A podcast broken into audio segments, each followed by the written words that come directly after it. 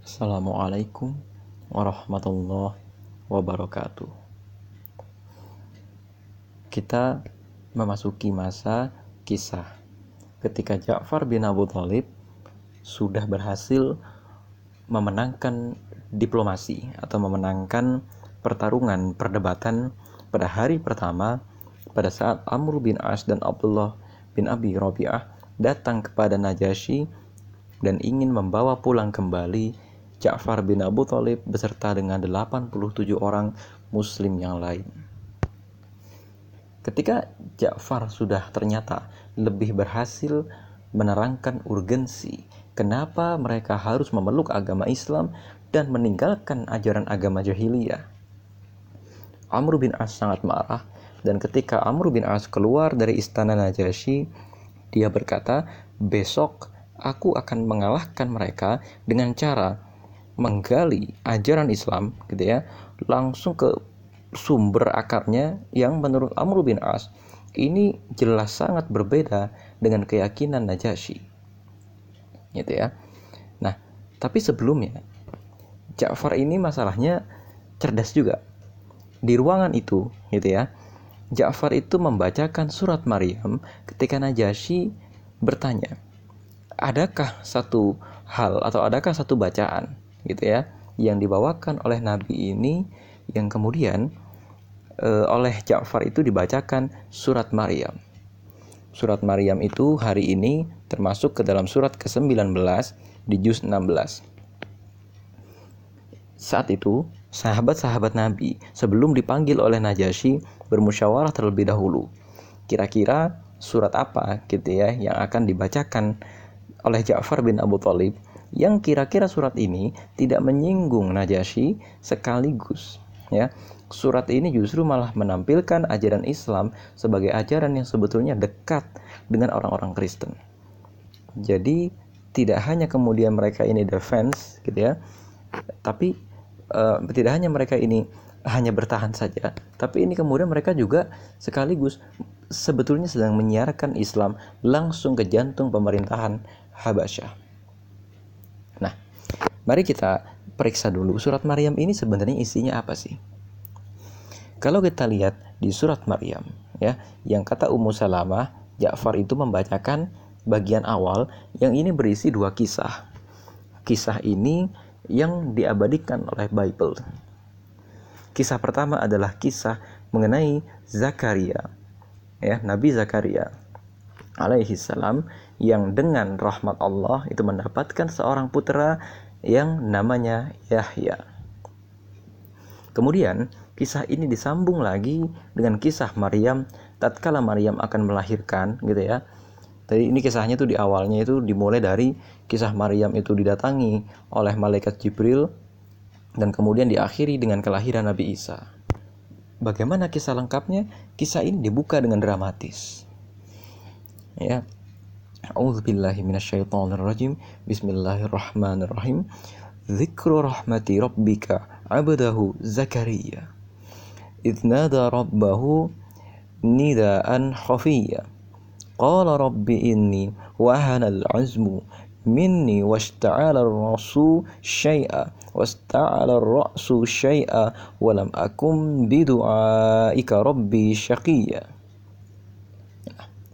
Yang dibacakan ini adalah penjelasan tentang rahmat Tuhanmu kepada hambanya Zakaria. Ketika ia berdoa kepada Tuhannya dengan suara yang lembut, ia berkata, Ya Tuhanku, sungguh tulangku telah lemah dan kepalaku telah dipenuhi uban, dan aku belum pernah kecewa dalam berdoa kepadamu, ya Tuhanku. Ini sebetulnya satu kisah yang lembut sekali karena ajaran Islam ya yang dibacakan ini kepada Najasyi berarti secara tidak langsung Ja'far bin Abu Thalib itu mengatakan ajaran Islam itu sebetulnya mirip dengan ajaran agamamu karena di sini menampilkan wajah Tuhan, menampilkan wajah Allah yang begitu penyayang dan maha mendengarkan doa manusia, maha mengabulkan doa-doa.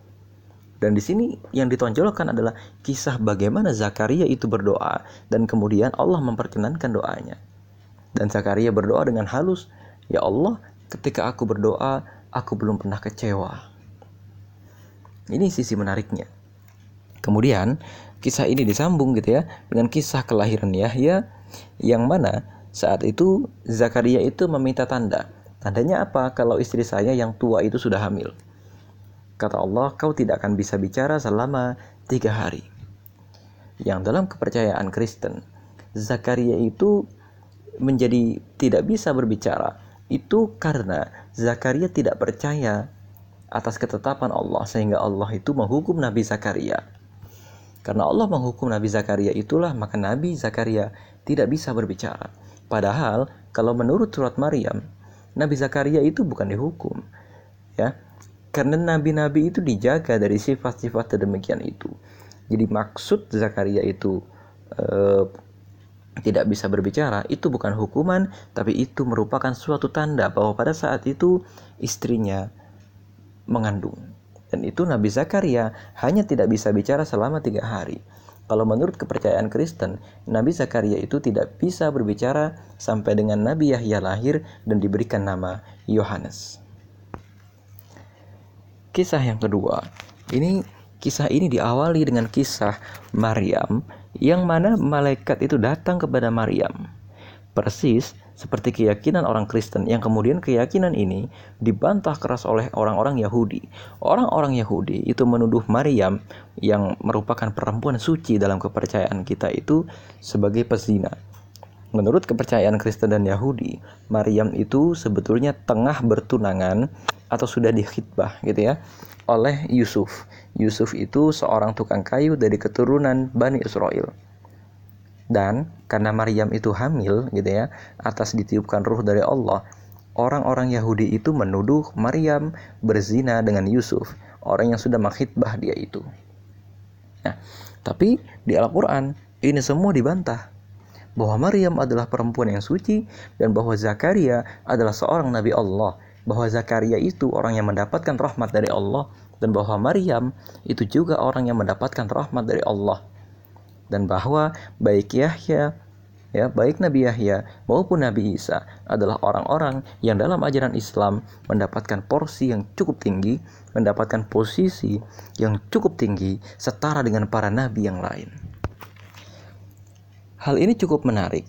Mengingat surat ini tentu saja turun sebelum Ja'far itu berangkat ke Habasyah. Ya, karena kita tidak mengetahui adanya kegiatan korespondensi atau surat menyurat antara Nabi Muhammad dengan Ja'far bin Abu Thalib saat Ja'far itu ada di Habasyah. Tapi yang jelas berarti surat ini atau kisah Zakaria, Yahya, Maryam dan Isa alaihi salam itu sudah ada gitu ya bahkan sejak awal-awal tahun pertama kenabian. Maka fokus kisah Maryam dan Zakaria ini, fokus kisah surat Maryam ini itu sebetulnya bukan pada sosoknya saja, tapi fokusnya itu kepada satu, betapa Allah itu maha mengabulkan doa-doa. Hal yang tidak mungkin itu pasti bisa terjadi apabila Allah sudah menetapkan.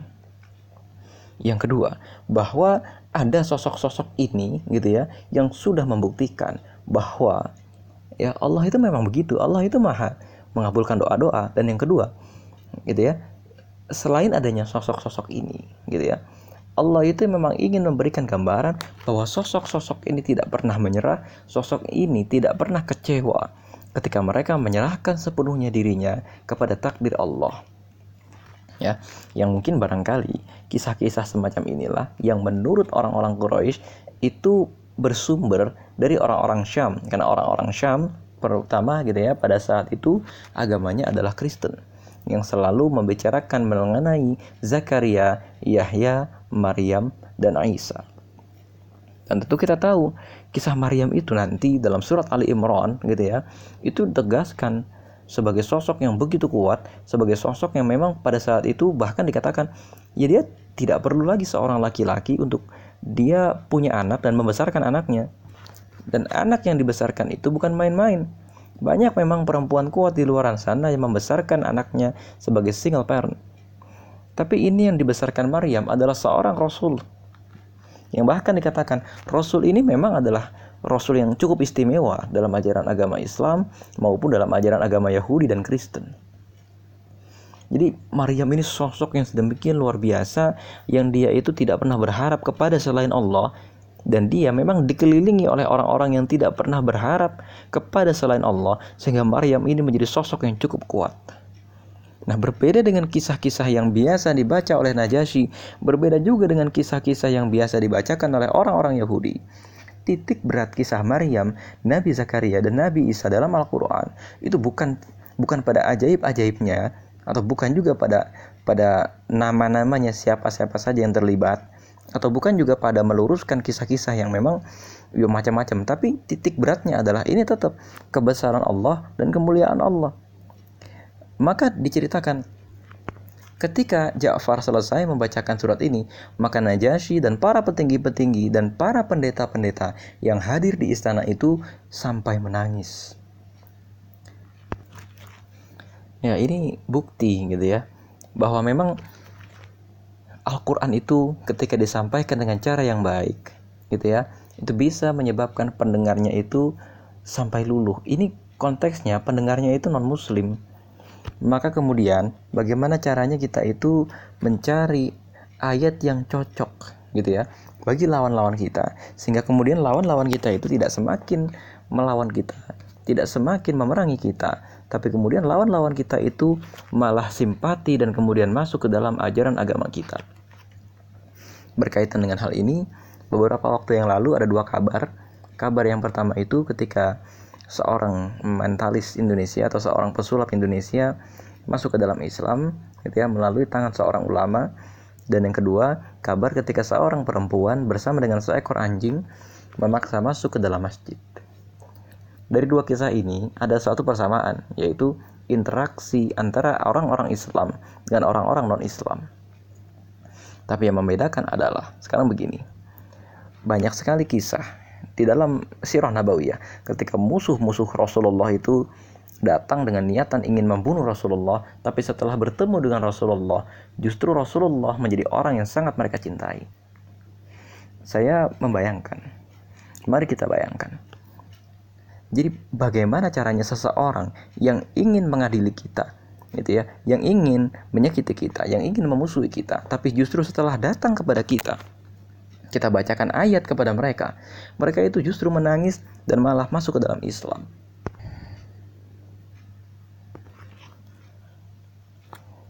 Nah, di sini, gitu ya, di sini kita lihat lagi satu aspek bahwa Ja'far itu dengan demikian cerdas, dengan sedemikian cerdik, itu berani gitu ya membacakan ayat yang memang atau surat gitu ya yang memang surat ini punya irisan yang cukup menarik dengan kepercayaan yang dianut oleh Najasyi.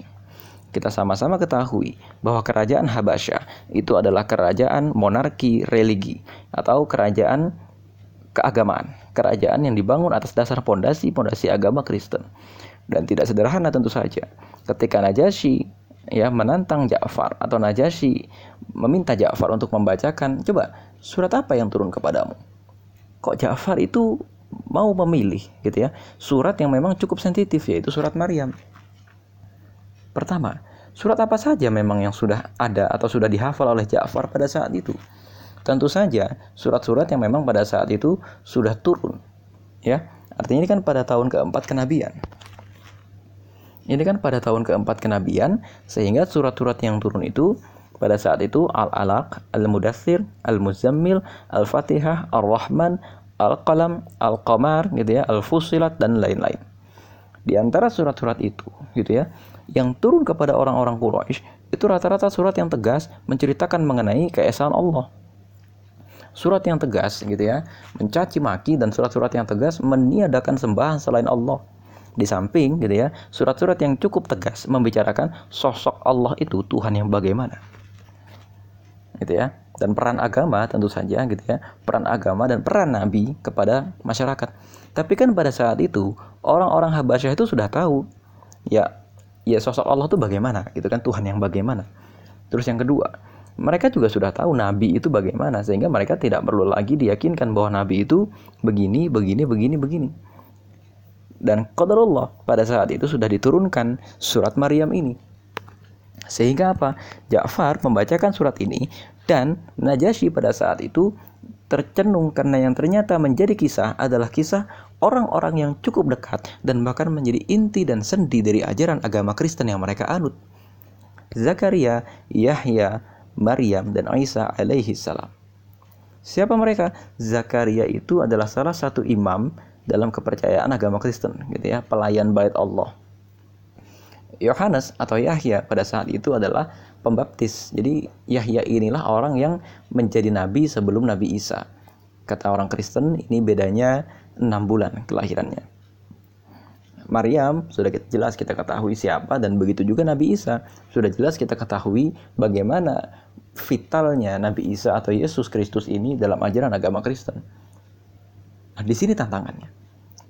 Sehingga Najasyi dan orang-orang yang menjadi pengikut-pengikut Najasyi di istana itu pada saat itu mendengar pembacaan Ja'far itu menangis. Selain karena memang Ja'far yang suaranya indah, perangainya mirip dengan Rasulullah, fisiknya juga mirip dengan Rasulullah. Sudah pasti ada aspek-aspek komunikasi politik yang dimainkan oleh Ja'far. Belakangan ini berkaitan dengan itu kita menjumpai satu kasus yang cukup menarik ketika seorang ibu gitu ya membawa anjing ke dalam masjid. Nah, ini kita bayangkan. Bagaimana caranya ketika ada orang non muslim itu datang ke tengah-tengah komunitas kita mau membunuh kita? Seperti kisah Rasulullah. Sudah berapa banyak orang yang datang kepada Rasulullah ingin membunuhnya tapi kemudian setelah datang kepada Rasulullah mendengar pembacaan Rasulullah melihat wajah Rasulullah pulang-pulang itu dia menjadi orang yang paling mencintai Rasulullah. Mengapa? Kenapa bisa? Mari kita cari tahu gitu loh. Persoalannya itu seperti Ja'far bin Abu Thalib. Kalau pada saat itu Ja'far itu memilih begitu saja membacakan ayat-ayat, ini blunder. Gitu ya. Bahkan bisa jadi Najasyi pada saat itu tersinggung gitu ya. Dan pengikut-pengikutnya itu nggak ngerti dengan ajaran agama Islam sehingga menganggap ajaran agama Islam ini ya sekedar agama baru saja. Bukan agama yang tegas memberikan solusi atau tegas memberikan jalan keluar dari kemanusiaan yang pada saat itu sudah rusak. Itu loh yang menjadi soal. Dan sekarang gitu ya tantangan bagi segenap aktivis dakwah. Sesungguhnya sekarang itu banyak terjadi fenomena orang-orang yang kemudian ketika membacakan Al-Quran dan malah ayat-ayat yang mereka bacakan itu menjadi sumber konflik.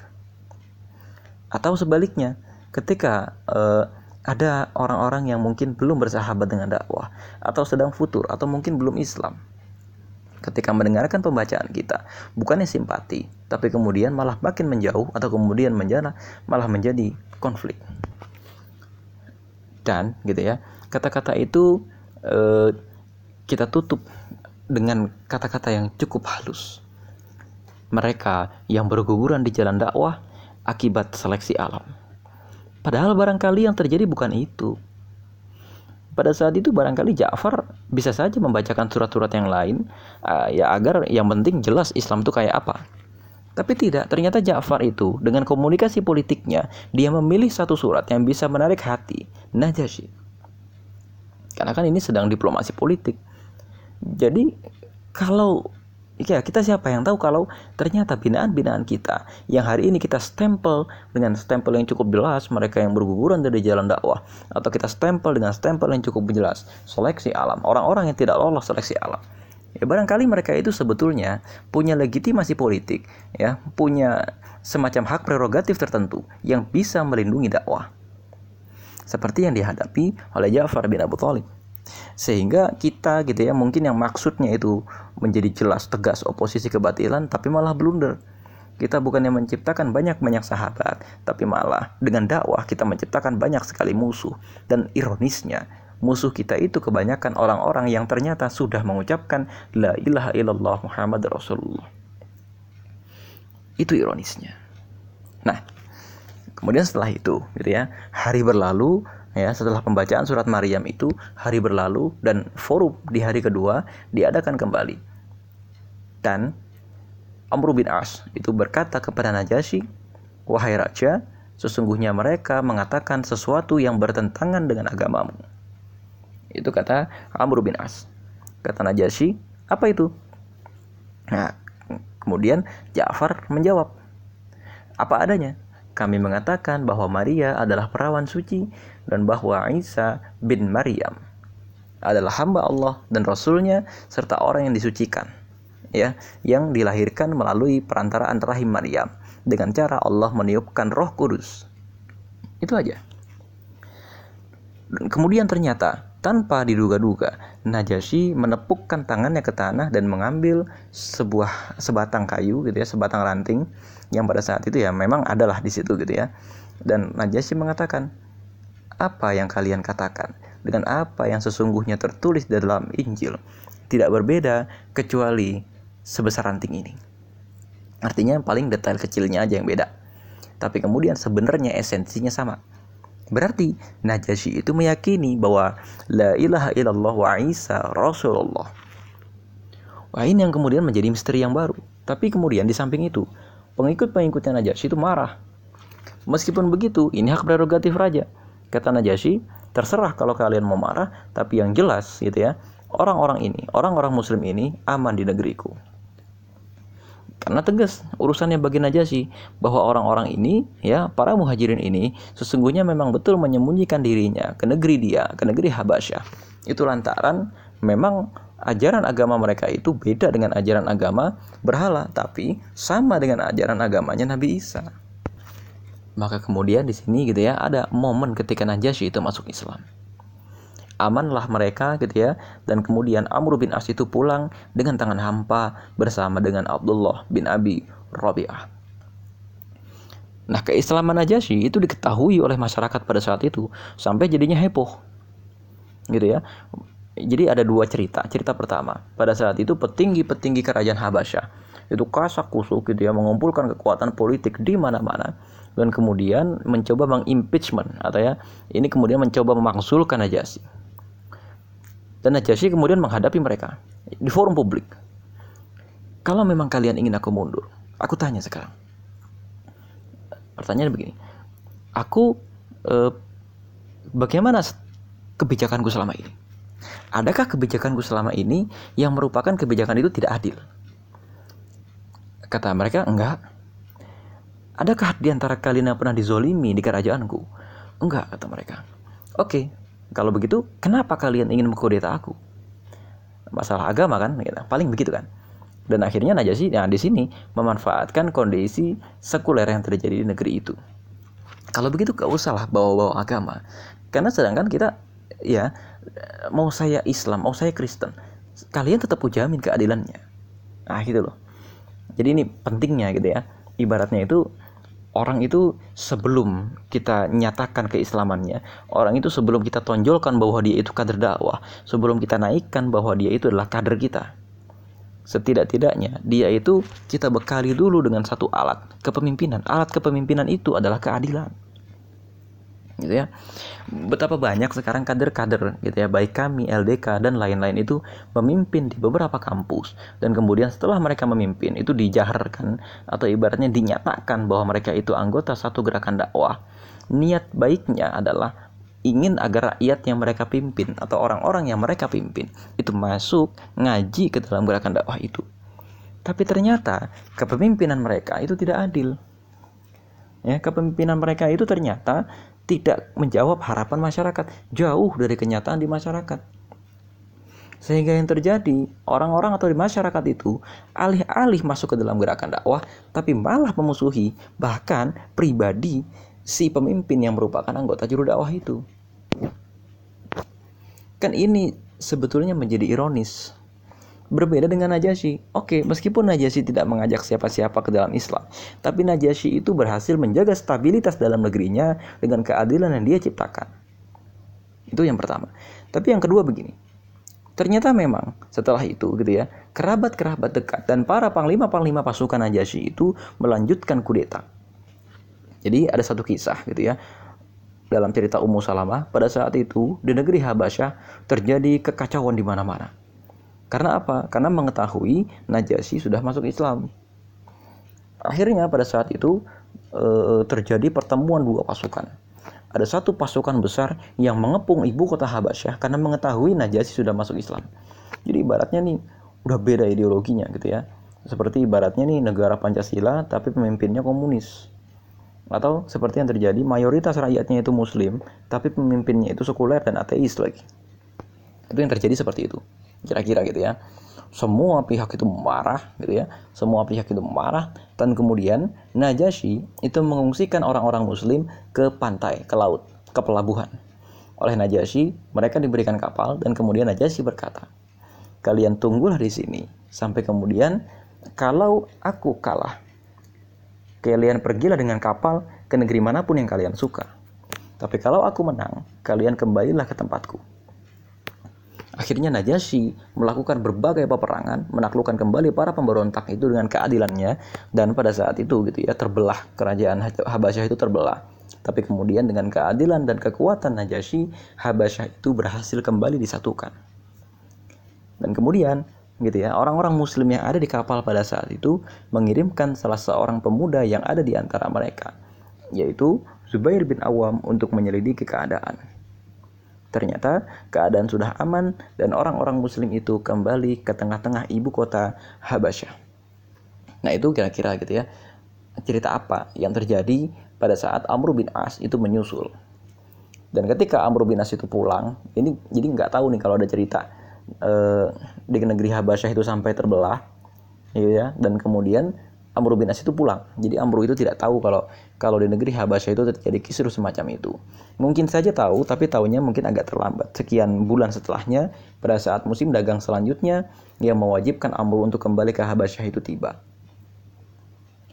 Jadi Amr itu kembali lagi ke kota Mekah dan orang-orang Mekah kemudian merasa putus asa. Dan kemudian apakah ketika Rasulullah sudah mengungsikan mayoritas sahabatnya ke Habasyah bertindak diam? Ini yang menarik. Ternyata orang-orang yang nanti berhijrah ke kota Madinah terlepas dari orang-orang yang sudah berhijrah ke Habasyah jumlahnya kira-kira 600 sampai 700 orang. Artinya Nabi Muhammad tidak berhenti berdakwah dan terus menyebarkan pengaruh-pengaruhnya. Nah, ini yang cukup menarik gitu ya. Ini yang menarik. Dan salah satu yang menarik lagi adalah Abu Bakar Siddiq yang tadinya sudah mau berangkat ke Habasyah tapi kemudian di tengah jalan ketemu dengan seorang sahabatnya yang merupakan seorang besar. Ditanya Abu Bakar Siddiq, mau ke mana? Kaumku menyakiti aku, sehingga aku ingin hijrah, aku ingin pindah ke Habasyah. Kata orang ini namanya Ibnu Dakhnah gitu ya. Jangan ngapain, kamu orang yang mulia, kamu orang yang kami sukai, kamu orang yang besar, ngapain pergi? Tetaplah di kota ini dan terimalah perlindunganku. Jadi di kota Mekah itu ada aturan kalau orang-orang yang sudah dibenci orang lain, kalau orang ini mau pergi atau orang ini punya musuh, maka ada orang lain gitu ya, dia bisa berlindung kepada orang lain yang kuat, yang kaya dan punya banyak pasukan dan orang ini tidak akan diganggu. Kalau dia diganggu, maka dia akan berurusan dengan kabilah. Ingat ya, bukan cuma dengan satu orang, tapi dengan kabilah, dengan ormas, dengan partai yang orang ini ada di dalamnya. Jadi itu yang terjadi. Nah, kira-kira Allah alam bisawab itu yang kira-kira bisa kita terangkan sebagai bagian akhir dari cerita lengkap hijrah ke Habasyah. Assalamualaikum warahmatullahi wabarakatuh.